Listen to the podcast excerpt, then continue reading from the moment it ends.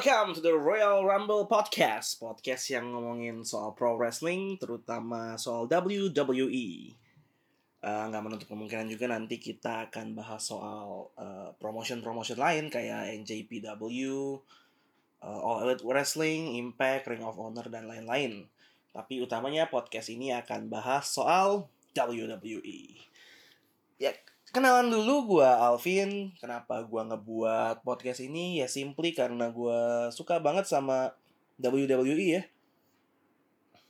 Pas zaman gue SD itu sekitar tahun 2000-an ada Raw dan SmackDown di La TV. Waktu itu yang bawain Sandy drummernya pas band.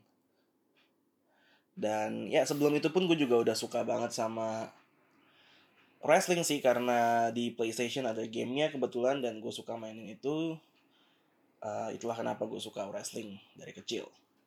Ya sampai akhirnya hilang dari televisi pun gue masih suka ngikutin uh, lewat internet perkembangannya hingga sampai sekarang gue bisa terus setia ngikutin WWE. Untuk nama podcastnya sendiri kenapa gue ambil namanya itu Royal Rumble? Ya karena Royal Rumble ini adalah PPV yang gue paling seneng ya, yang paling gue suka. Seru aja gitu ngeliatnya kayak 30 superstar akan saling bersaing satu sama lain. Ya walaupun nggak 30-30-nya naik ring gitu kan uh, satu persatu. Tapi seru aja gitu ngeliatnya rusuh, rame, seru lah. Jadi gue suka banget Royal Rumble dari kecil kalau main di PlayStation juga gue sering banget main Royal Rumble sama teman-teman gue. Dan kebetulan, kebetulan pas podcast ini direkam Royal Rumble 2019 itu baru selesai. Jadi gue pikir, oh why not? Kenapa nggak gue kasih nama aja podcast ini Royal Rumble ID. So, without further ado, harusnya lu semua udah tahu apa yang mau kita bahas di episode pertama dari Royal Rumble podcast ini, which is Royal Rumble Match 2019. Check it out.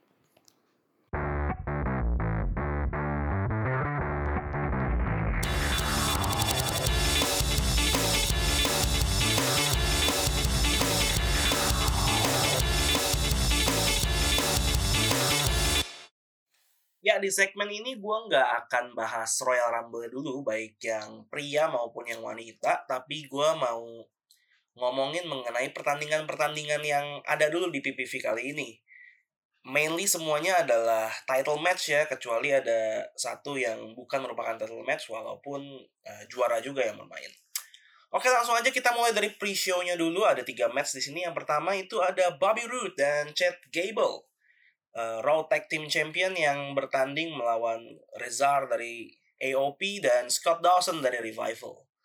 Ini match yang menurut gue agak aneh ya karena ya kenapa sih lu nggak tampilin aja AOP-nya atau The Revival-nya kenapa harus dicampur? Menurut gue ini match yang meaningnya kurang jelas nggak tahu maksud dan tujuannya kreatif WWE bikin match ini apa jadi nggak um, penting juga menurut gue untuk dibahas kurang menarik. Uh, intinya Bobby Roode dan Chad Gable berhasil menang. Karena teamwork dari Razor dan Scott Dawson sendiri masih kurang bagus. Kita lanjut aja langsung ke match kedua di pre-show. Ada United States Championship Rusev melawan Shinsuke Nakamura. Ini merupakan pertandingan yang kembali dilaksanakan setelah sebelumnya Rusev juga tanding melawan Nakamura yang kebetulan waktu itu juaranya adalah Nakamura Rusev waktu itu menang dan kali ini secara mengejutkan ini salah satu match yang yang hasil akhirnya di luar prediksi gue dan juga di luar prediksi banyak orang. Rusev yang baru satu minggu memegang gelar juara United States kalah oleh Nakamura walaupun juga kalahnya ya ada ada faktor Lana ya. Uh, Rusev nggak sengaja hajar Lana sampai terkapar itu ngedistract Rusev sehingga Nakamura bisa melancarkan Kinshasa kepada Rusev dan ya bisa kembali menjadi juara. Um, langkah yang aneh dari kreatif WWE ngapain lu kasih title ke Rusev tapi seminggu kemudian lu copot lagi. Uh, tapi hal ini membuat pertikaian dua orang ini masih akan terus berlanjut. Ya, jadi kita lihat aja ke depannya di SmackDown Live apa yang WWE rencanakan untuk kedua orang ini. Kalau gue sih nggak uh, terlalu tertarik ya mengikuti cerita dua orang ini walaupun sebenarnya di di atas ring tuh chemistry keduanya cukup ada ya Uh, Rusev adalah atlet yang sangat luar biasa, begitu juga Nakamura dengan segudang pengalamannya di pro wrestling uh, cukup menyajikan sebuah pertandingan yang menarik walaupun ceritanya menurut gua pribadi uh, kurang kurang bikin kita engage ke dalamnya. Oke, okay, kemudian juga ada Cruiserweight Championship. Uh, di mana juara kita Buddy Murphy ditantang oleh tiga orang sekaligus dalam Fatal Four Way ditantang oleh Kalisto, Akira Tozawa, dan Hideo Itami. Ini juga merupakan match di pre-show sekaligus match terakhir yang ada di pre-show ya. Kalau ngelihat dari profil lawan-lawannya Buddy Murphy, eh, nggak uh, mengejutkan. Kalau uh, akhirnya Buddy Murphy retain lagi titlenya, karena ya tiga orang ini bukan merupakan superstar yang high profile, bahkan di 205 Live ya. Nggak ada meaning yang jelas kalau Buddy Murphy harus menyerahkan title ke salah satu dari tiga orang ini sehingga nggak mengejutkan sama sekali. Oh ya, cruiserweight seperti biasa menyajikan pertandingan yang atraktif uh, di mana superstarnya sangat-sangat lincah, sangat-sangat akrobatik dengan gerakan-gerakan yang luar biasa, tapi sekali lagi storyline di dalamnya kurang menarik. Apalagi para cruiserweight superstar ini terjebak di 205 Live ya yang kurang mendapatkan publikasi. Uh, gua gua sendiri pribadi jarang nonton yang 205 Live nya jadi dan dan kayaknya juga banyak ya yang nggak tertarik gitu sama 205 Live. Ya WWE harus memikirkan lagi caranya sih gimana 205 Live ini bisa membuat orang tertarik nonton sehingga Cruiserweight Superstar ini bisa naik daun. Ya gue sih sangat menunggu juga Buddy Murphy naik ke main roster uh, walaupun ada kekhawatiran kreatifnya Raw atau SmackDown nggak bisa utilize si Murphy. Superstar yang sekarang aja kadang nggak nggak bisa utilize. Tapi ya let's see lah kapan Buddy Murphy akan dipanggil ke main roster. Oke pre-show udah kelar. Kita sekarang langsung ke match pertama dalam pay-per-view Royal Rumble 2019 di mana PPV ini dibuka oleh SmackDown Women's Championship Asuka versus The Man Becky Lynch. Hasil akhir yang tidak mengejutkan mengingat Asuka baru mendapatkan gelar juaranya sehingga nggak mengejutkan sama sekali kalau dia retain titlenya tapi manner dia retain titlenya itu yang buat gue agak mengejutkan. Becky Lynch adalah the hottest superstar of 2018 dan hal itu terus dibawa di tahun 2019 jadi menurut gue agak aneh aja kalau Becky yang diportray segitu badassnya bisa kalah clean tap out secara bersih tanpa ada distraction tanpa ada hal-hal aneh tanpa ada kecurangan tanpa ada interupsi. Dia tap out secara clean kepada Asuka. Jadi menurut gue ini aneh aja uh, Becky yang dibuild sedemikian rupa bisa kalah gitu aja uh, ini melukai si image sedikit, sedikit melukai image Becky menurut gue walaupun pada akhirnya kita sama-sama tahu bahwa Becky menang Royal Rumble yang versi wanitanya tapi ya menurut gue harusnya Becky nggak kalah dengan cara seperti ini. Uh, tapi ini merupakan hal yang bagus buat Asuka, uh, di mana kita tahu tahun lalu dia menang Royal Rumble versi wanita, tapi abis itu karirnya agak-agak dalam limbo ya. Kayaknya kreatif juga nggak tahu gimana utilize Asuka, uh, juga Nakamura yang menang Royal Rumble yang sama. Tapi ini semoga menjadi momentum yang bagus sih buat Asuka ke depannya agar dia bisa terus mendapatkan match-match yang bagus, booking-booking yang bagus karena Asuka tuh cukup over gitu sama fans walaupun bookingnya selama ini kurang baik menurut gua. Jadi kita lihat aja nanti Asuka kayak ke depannya akan ditantang oleh siapa feeling gue sih mungkin rematch sama Charlotte di WrestleMania di mana Becky kemungkinan besar akan Oke kita bahas nanti aja di di di bagian Royal Rumble versi wanitanya ya soal Becky Lynch tapi ya itu hasil yang predictable tapi mannernya sangat jauh di luar prediksi gue. Kita lanjut ke match yang kedua.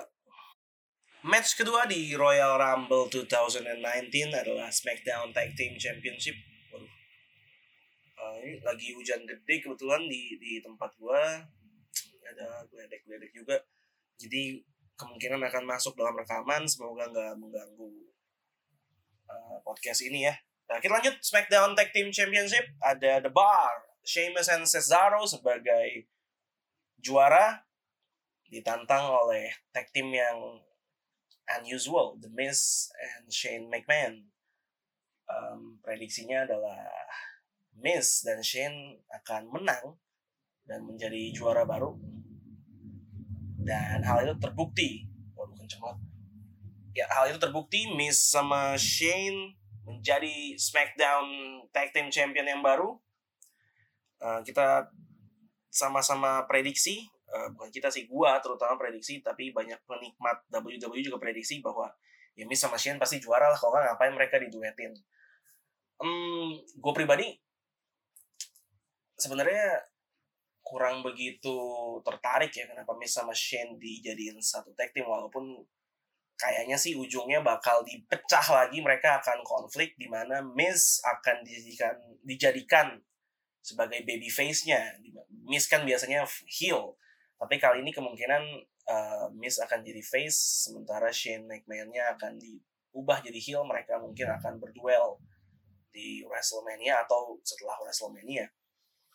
Um, ini terlihat banget dari matchnya di mana uh, yang ditunjukkan sebagai uh, orang yang lebih dominan dalam tag team ini adalah Shane, bukan Miz yang superstar aktif, tapi Shane.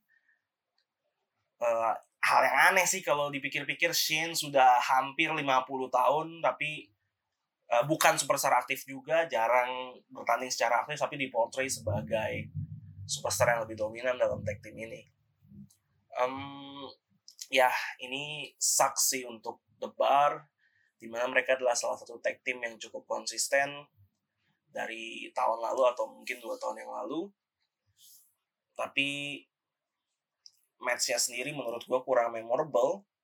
Uh, ada beberapa hal yang memorable dan itu dilakukan oleh Shane terutama di mana dia masih gila seperti biasa nggak mikirin badannya yang udah 50 tahun itu ada dia melakukan ini shooting star press gitu kayak uh, flip di udara untuk untuk meraih kemenangan uh, dan itu cukup mendapatkan applause dari penonton ya Miz and Shane new tag team champion for SmackDown Live we'll see gimana mereka bisa mempertahankan gelarnya. Feeling gue sih akan terus bertahan ya di Elimination Chamber, di Apex itu akan terus dipertahankan, tapi gue nggak tahu apakah mereka ah, masih akan terus menjadi juara sampai WrestleMania.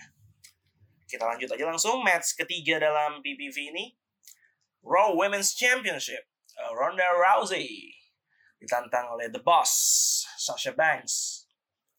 Um, Rousey uh, adalah uh, superstarnya Raw uh, diportray juga sebagai salah satu superstar yang cukup dominan di women's divisionnya Raw.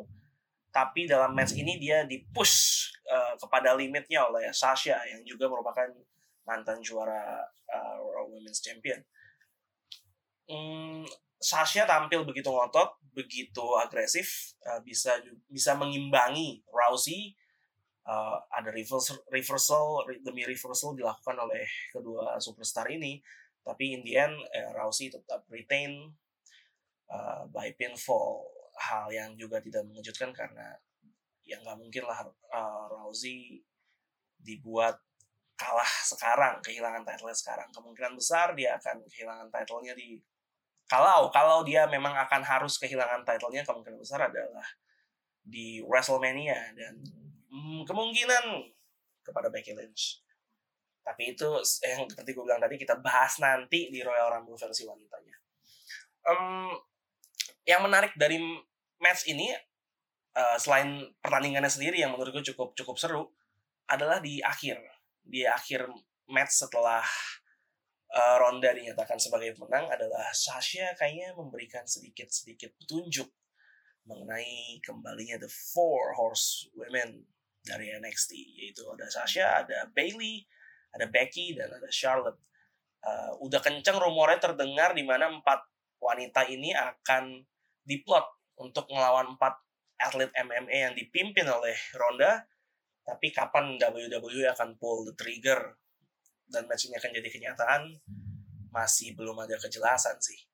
Uh, Rondanya sendiri uh, dirumorkan akan sempat ada beredar rumornya akan cabut duluan dari WWE tapi setelah informasi digali lebih dalam itu bukan bukan cabut permanen sih tapi dia lebih ke ambil break karena dia baru build a family kan dia baru baru berkeluarga jadi dia mau menghabiskan lebih banyak waktu dengan keluarganya. Sehingga dia rumornya akan ambil break setelah WrestleMania di bulan April. Dirumorkan baru akan kembali bulan November di Survivor Series. Dan kalau ini benar berarti makin kenceng sih uh, rumor dan prediksi bahwa Ronda akan menyerahkan titlenya harus kalah di WrestleMania Berikutnya ada Women's Royal Rumble tapi itu gua skip dulu. Kita langsung ke match selanjutnya WWE Championship Daniel Bryan versus The Phenomenal One AJ Styles. Ini match yang udah kesekian kalinya antara dua superstar ini. Ya dua-duanya superstar hebat dan dan nggak pernah membosankan melihat dua superstar hebat berada dalam satu ring yang sama. Tapi hmm, ya itu it was good it was good tapi nggak amazing menurut gue jadi bagus solid tapi nggak spektakuler. Dan hasilnya juga sangat-sangat predictable ya di mana Daniel Bryan retain the title. Ya dia baru comeback dari cedera di di paruh kedua tahun lalu. Dan nggak mungkin sih title reign pertamanya di dibuat singkat. Dan gak make sense juga bagi Styles untuk dapat lagi titlenya setelah megang selama satu tahun lebih gak ada nilai tambahnya kalau title itu diberikan kepada Styles sekarang. Tapi yang menarik, um, seperti biasa Daniel Bryan sekarang kan heel dan dia nggak menang secara clean. Ada bantuan tak terduga dari guess who? Dari Eric Rowan, mantan SmackDown Tag Team Champion. Eric Rowan sembuh dari cedera dan secara mengejutkan masuk ke pinggir ring menyaksikan pertandingan antara Brian dan AJ. Tapi di saat uh, referee-nya knock out, ya kita tahu referee WWE lemah-lemah ya, kesenggol dikit ya ke knock out gitu. Rowan masuk ke dalam ring, memberikan satu buah chokeslam kepada AJ, yang kemudian membuat AJ dapat dipinfall dengan mudah oleh Daniel Bryan. One, two, three, dan it's over.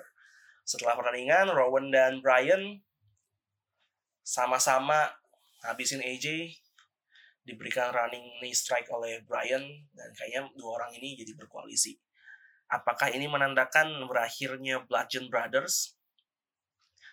Sepertinya iya, karena ya kalau nggak ngapain gitu Eric Rowan Toto hadir di Royal Rumble bantuin Brian kalau Bludgeon Brothers masih terus kasihan sih gue sama Luke Harper karena sejak dia meninggalkan Wyatt Family gue cukup tertarik mengikuti Luke Harper. Menurut gue dia superstar yang cukup oke okay gitu.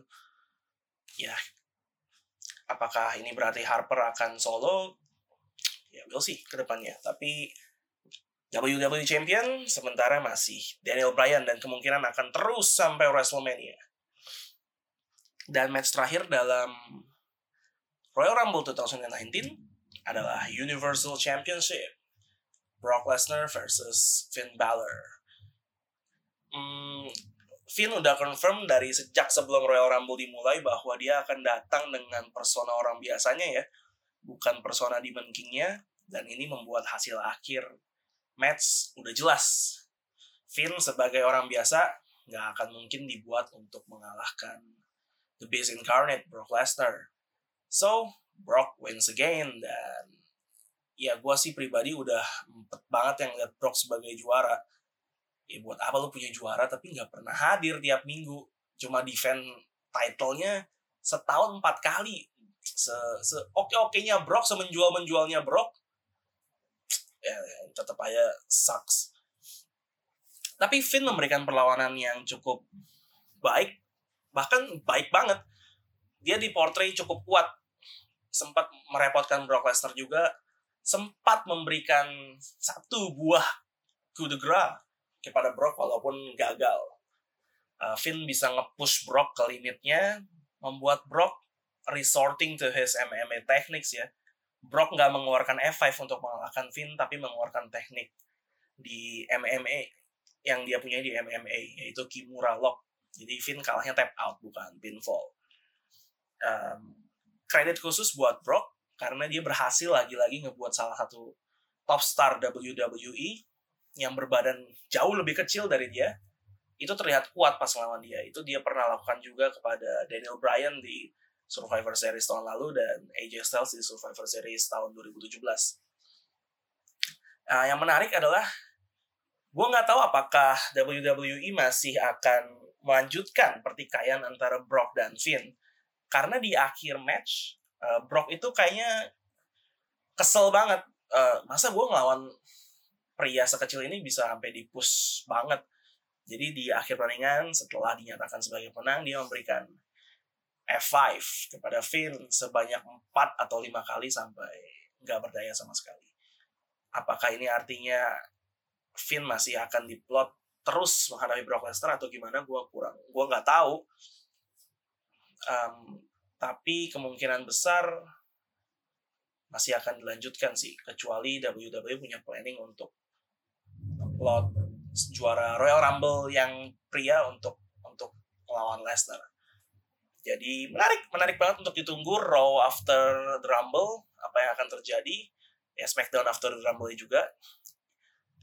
Apa yang akan semuanya akan lebih jelas sih di di Raw dan SmackDown after Royal Rumble. Jadi menarik untuk ditunggu dua hari ke depan apa perkembangan yang akan terjadi. Jadi itu adalah match-match yang ada di Royal Rumble excluding the both Rumble matches-nya ya. Jadi ada gua recap cepat aja. Bobby Roode dan Chad Gable mengalahkan Razor dan Scott Dawson. Uh, Nakamura, Shinsuke Nakamura menjadi juara United States yang baru, mengalahkan Rusev. Buddy Murphy tetap menjadi Cruiserweight Champion di Fatal 4-Way. Dan sisanya SmackDown Women's Championship, Asuka retain, uh, Raw Women's Championship Ronda Rousey retain, WWE Championship Daniel Bryan masih retain, Universal Championship Brock Lesnar masih retain. Yang berpindah gelar juara hanya Nakamura tadi dan oh dan ini Miss dan Shane sebagai SmackDown Tag Team Champion yang baru. So kita lanjut ke segmen yang ketiga di mana kita akan membahas The Royal Rumble.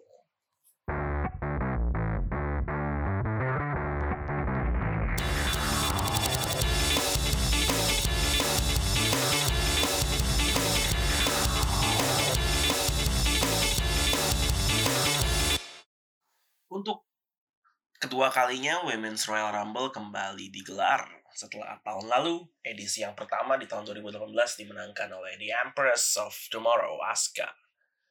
Um, Asuka tahun ini nggak bertanding di Royal Rumble karena dia harus mempertahankan gelar juara uh, SmackDown Women's Championship-nya melawan Becky Lynch yang mana dia berhasil tadi kita udah bahas di segmen sebelumnya dan uh, hasil itu membuat prediksi banyak orang langsung mengarah kepada Becky Lynch sebagai pemenang Royal Rumble 2019 tahun ini.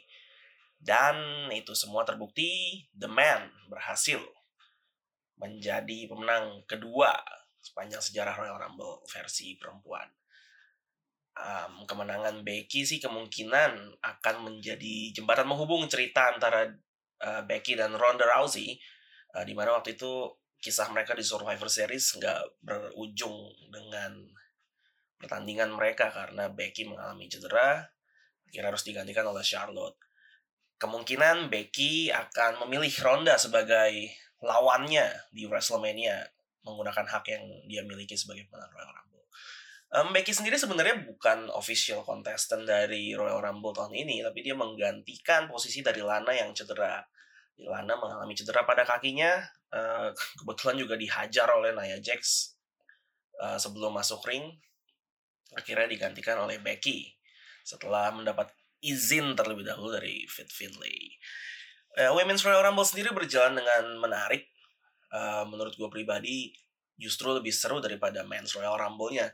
Ada banyak uh, storyline yang diceritakan uh, dari 30 kontestan yang silih berganti di dalam ring jadi nggak cuma sekedar rame-ramean aja uh, Lacey Evans debut di main roster setelah kita melihat dia mendapat panggilan dari NXT tapi baru kali ini dia benar-benar secara resmi uh, di luar dark match dia bertanding di main roster dia mengawali Royal Rumble sebagai kontestan di urutan pertama uh, one on one menghadapi Natalia di yang sebagai kontestan urutan kedua.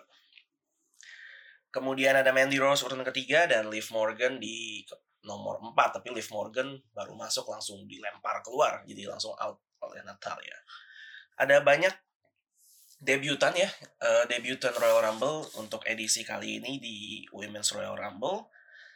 Uh, beberapa nama di antaranya ada NXT UK Women's Championship, uh, sorry, uh, the first NXT UK Women's Champion Rhea Ripley ada juga Casey Catanzaro, ada Kairi Sane, ada Io Shirai, ada Shelly, dan Lacey Evans sendiri. Um, gue sih cukup impress sama Casey Catanzaro ya. Uh, dia sangat-sangat atletis, uh, gerakannya juga ada beberapa kesempatan yang dia melakukan beberapa gerakan akrobatik kayak handstand, kayak backflip. Itu gue cukup impress sih. Jadi um, semoga bisa cepat dipanggil ke main roster karena um, divisi women ini kan kita tahu akan segera mengeluarkan tag team title. Jadi kayaknya butuh lebih banyak orang untuk di divisi wanitanya baik untuk Raw maupun SmackDown. Rhea Ripley juga diplot sebagai seorang yang sangat powerful, mengeliminasi beberapa orang juga. Uh, Kairi Sane, uh, mantan juara NXT Women's Champion, walaupun tidak terlalu dominan tapi menimbulkan impresi yang cukup mengesankan. Ngomong-ngomong soal mengesankan, gue sangat terkesan, terkesan dalam arti yang berbeda dengan penampilan dari Nikki Cross. Nikki Cross ini ya memang personanya kayak orang gila ya dia sangat heboh gitu di di dalam ring uh, lari ke sana ke kemari liar banget uh, kayak yang hajar semua orang ya walaupun sebenarnya di dalam ring juga nggak terlalu lama sebelum dieliminasi tapi Nikki Cross kemungkinan akan menjadi salah satu uh, women superstar favorit gue sih karena emang tingkahnya menarik aja untuk dilihat. Emang nggak waras nih orang jadi seru ngelihat ya gitu. Kemudian ada Zelina Vega uh, yang masuk menggunakan topeng Vega dari Street Fighter. Uh, dia memiliki trik sendiri untuk bertahan di Royal Rumble. Tahun ini dia ngumpet di bawah ring untuk durasi yang cukup lama sebelum akhir diusir oleh Hornswoggle.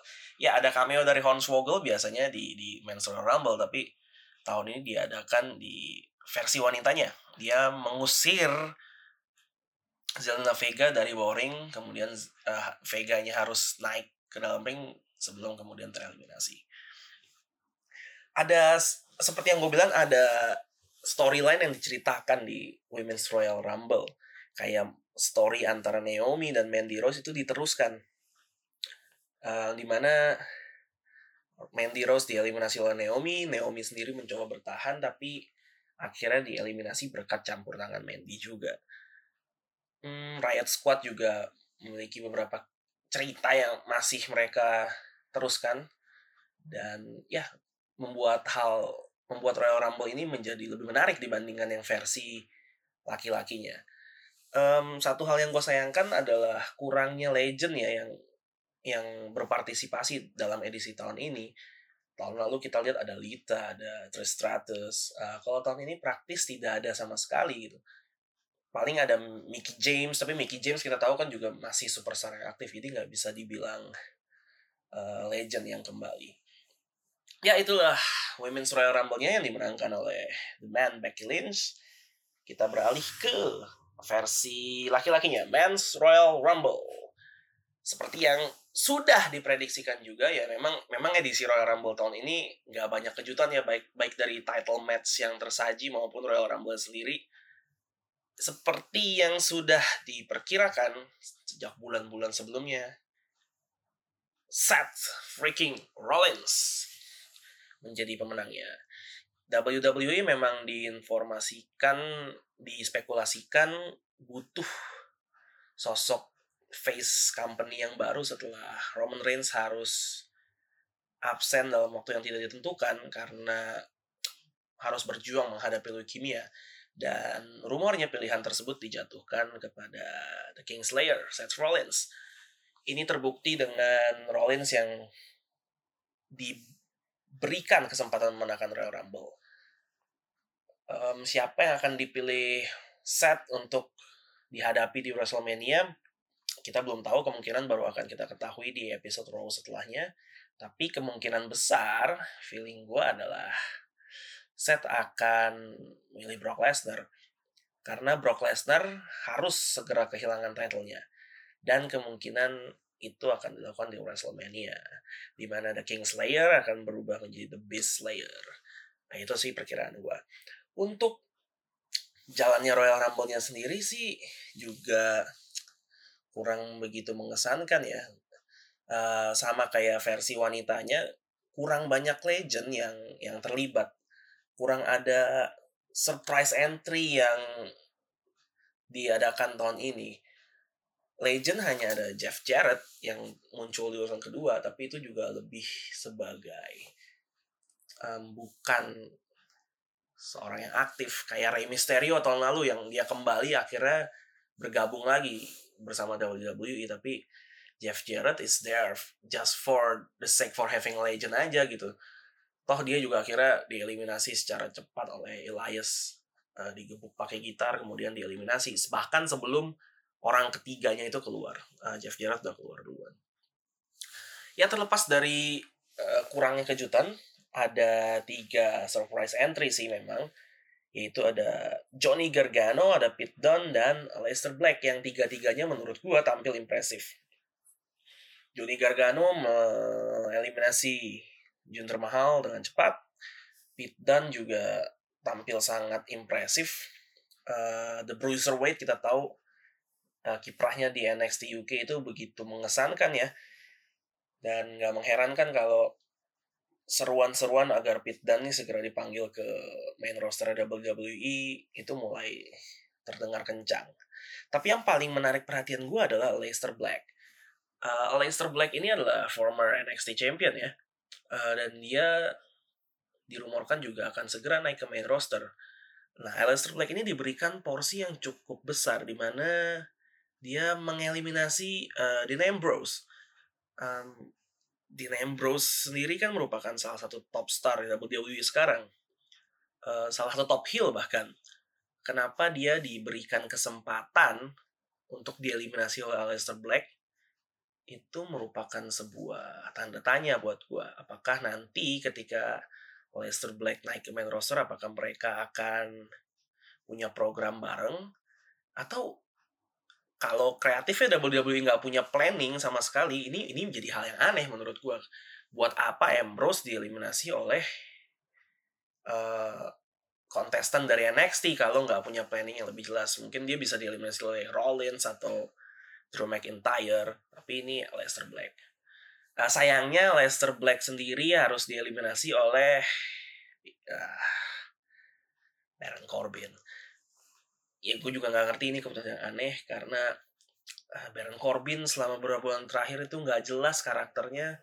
Uh, karakter constable-nya menurut gue nggak kemakan sama fans ya sama penonton kurang disukai tapi dia tetap diportray sebagai orang yang cukup kuat uh, walaupun nanggung gitu kayak lemah tapi kuat kuat tapi lemah ya agak aneh lah agak membingungkan aja karakternya makanya sangat disayangkan Leicester Black dengan personanya yang begitu kuat personanya kan cukup misterius juga dieliminasi oleh seorang kayak Baron Corbin itu sayang aja sih uh, penampil lain yang tampil cukup impresif uh, setelah dipanggil ke roster SmackDown Live adalah Mustafa Ali.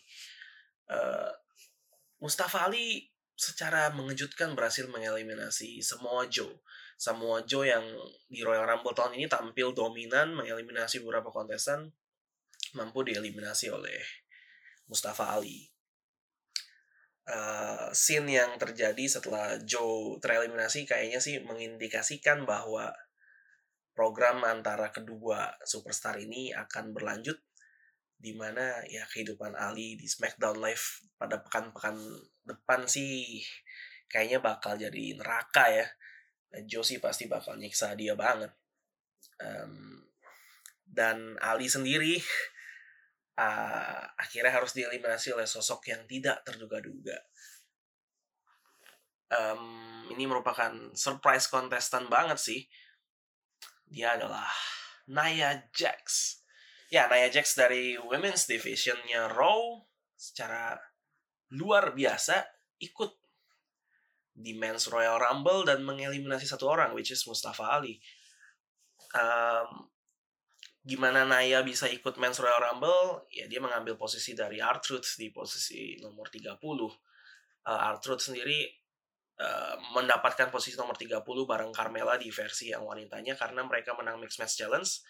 Tapi ya dalam perjalanan kering diserang oleh Naya sampai nggak bisa melanjutkan akhirnya Naya yang mengambil posisinya. Ya gue udah feeling sih R-Truth nih memang bakal jadi comic relief aja. Uh, gue perkirakan memang posisinya bakal diambil orang orang oleh orang lain tapi gue nggak nyangka itu Naya Jax gitu Naya Jax sendiri kayaknya diplot kayak sebagai wow factor aja kayak uh pertandingan intergender nih ya dan dan cukup berhasil sih menjadi talking point yang utama di Royal Rumble tahun ini. Lebih besar bahkan kayak dibandingkan kemenangannya Rollins atau Becky yang yang udah diperkirakan. Ya Nia Jax masuk.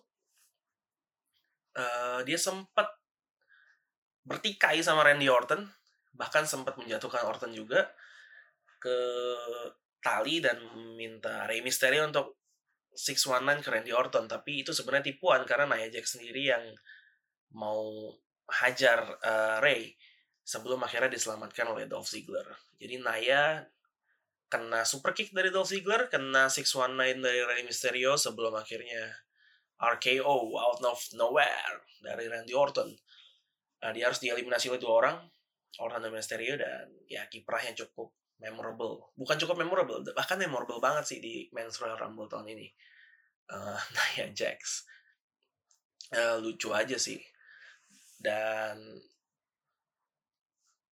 merupakan suatu hal yang mengundang pro dan kontra karena uh, argumennya adalah ya itu spot yang sia-sia kita tahu Naya nggak akan pernah jadi juara Royal Rumble-nya ya wow factor iya mengejutkan iya tapi nggak ada nilai tambah sama sekali. Itu spot bisa digunakan oleh kontestan NXT yang NXT yang lain gitu. Ada Velveteen Dream yang sedang naik daun ada Adam Cole baby um, dan sayang aja nggak digunakan. Ya. Dan ya Seth Rollins menang um, Becky Lynch menang. Itu adalah recap dari Royal Rumble edisi 2019 nanti kita saksikan aja di Raw dan SmackDown Live setelah Rumble siapa yang akan mereka pilih uh, itu aja untuk podcast edisi pertama Royal Rumble Podcast masih banyak kekurangan yang yang akan gue coba untuk perbaiki di episode-episode ke depan tapi thank you banget udah dengerin episode pertama dari Royal Rumble Podcast and see you on the next episode. Bye-bye.